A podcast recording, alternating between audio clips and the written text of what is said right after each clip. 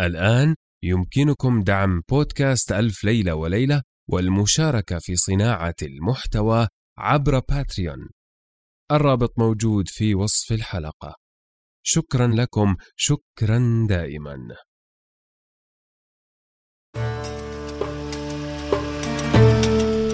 كان يا مكان في قديم الزمان وسالف العصر والأوان ملك يدعى شهريار يحب الاستماع لقصص الإنس والجان وكانت جاريته شهرزاد تقص عليه في كل ليلة قصة. هذا بودكاست ألف ليلة وليلة.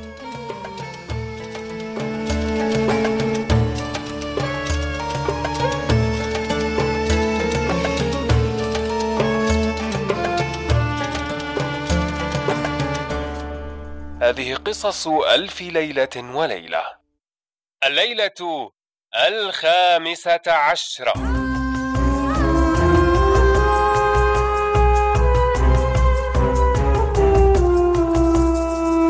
حكاية الحمال مع البنات.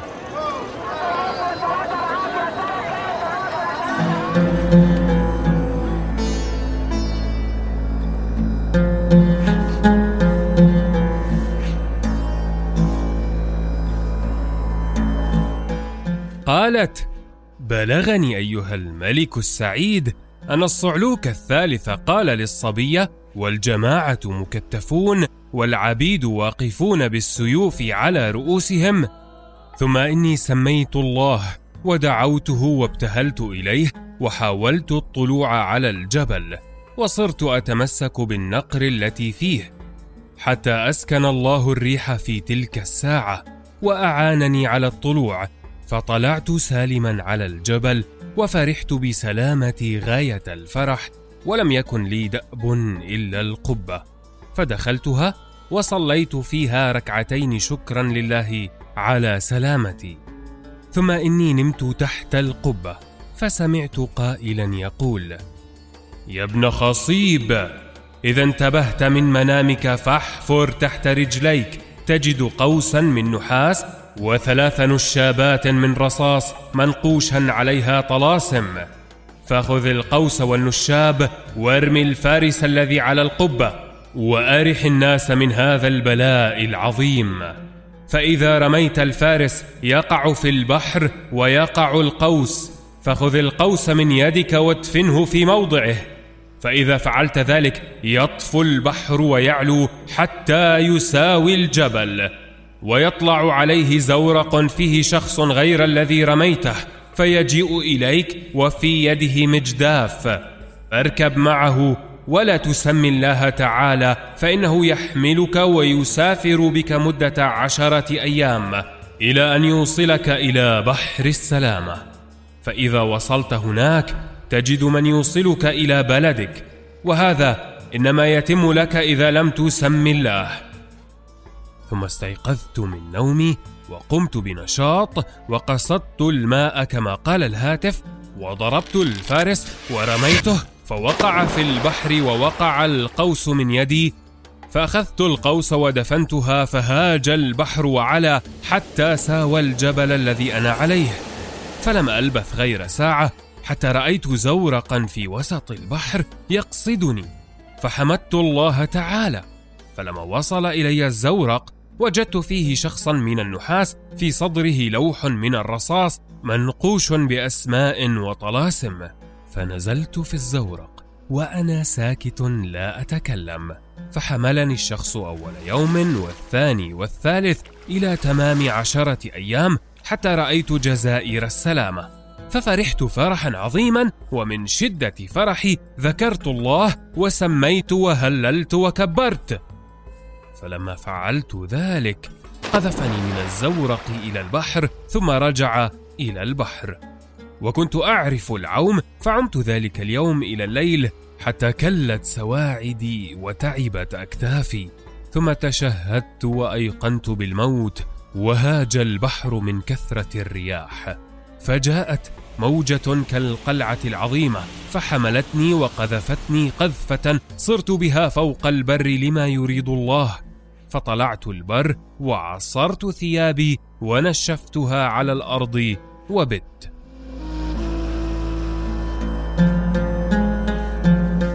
فلما أصبحت لبست ثيابي وقمت أنظر أين أمشي فوجدت غوطة. فجئتها ودرت حولها فوجدت الموضع الذي أنا فيه جزيرة صغيرة والبحر محيط بها. فقلت في نفسي كلما أخلص من بلية أقع في بلية أعظم منها.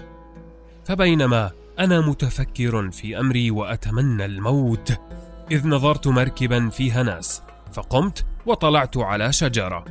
وإذا بالمركب التصقت بالبر وطلع منها عشرة عبيد معهم مساحي. فمشوا حتى وصلوا إلى وسط الجزيرة وحفروا في الأرض وكشفوا عن طابق. فرفعوا الطابق وفتحوا بابه ثم عادوا إلى المركب ونقلوا منها خبزا ودقيقا وسمنا وعسلا واغناما وجميع ما يحتاج إليه الساكن.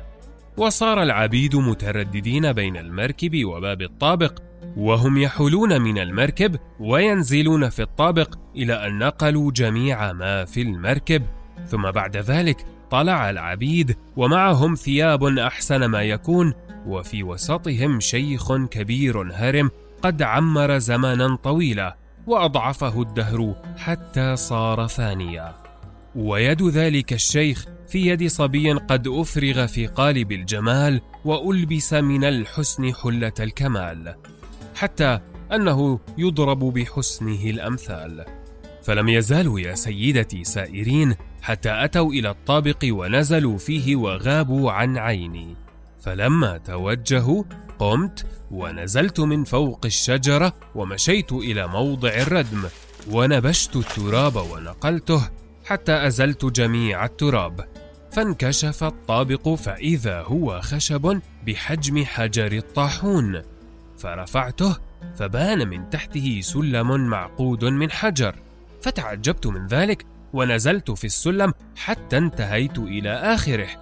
فوجدت شيئا نظيفا ووجدت بستانا وثانيا وثالثا إلى تمام تسعة وثلاثين.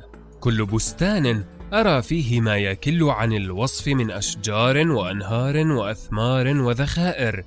ورأيت بابا فقلت في نفسي ما هذا المكان؟ فلا بد أن أفتحه وأنظر ما فيه. ثم فتحته.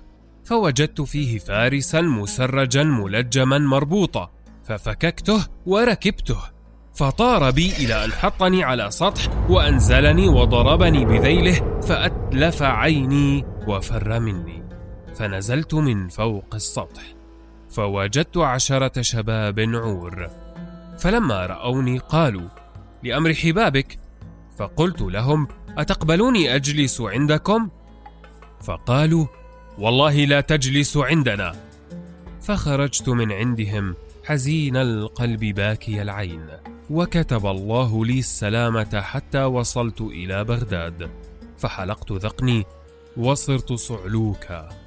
فوجدت هذين الاثنين الأعورين فسلمت عليهما وقلت لهما أنا غريب فقالا ونحن غريبان فهذا سبب تلف عيني وحلق ذقني.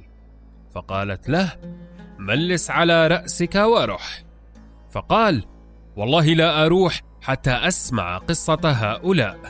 ثم إن الصبية التفتت إلى الخليفة وجعفر ومسرور وقالت لهم أخبروني بخبركم.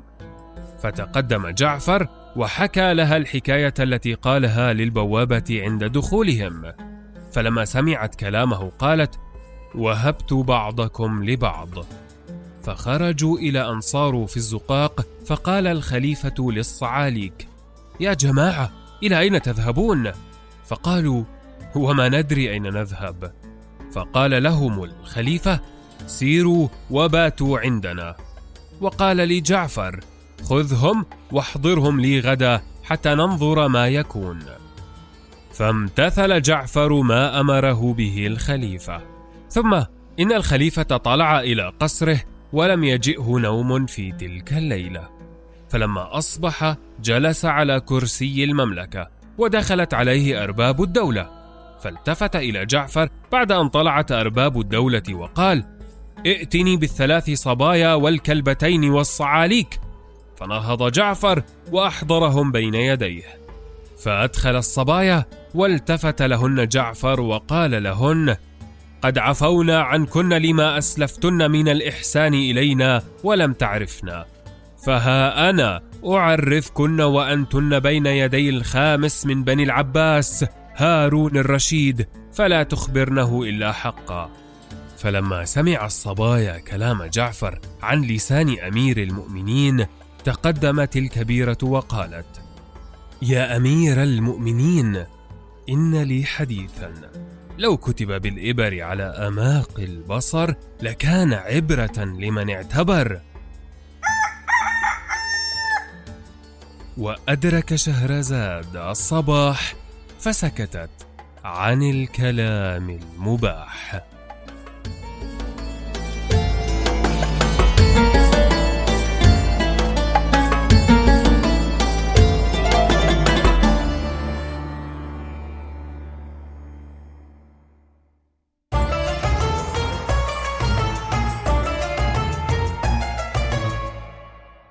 هذه قصص ألف ليلة وليلة. أنا نزار الحمود معكم في قراءة الليالي. لا تنسوا مشاركة الليالي مع من تظنون أنهم سيحبون ذلك. شكرا لكم، شكرا دائما.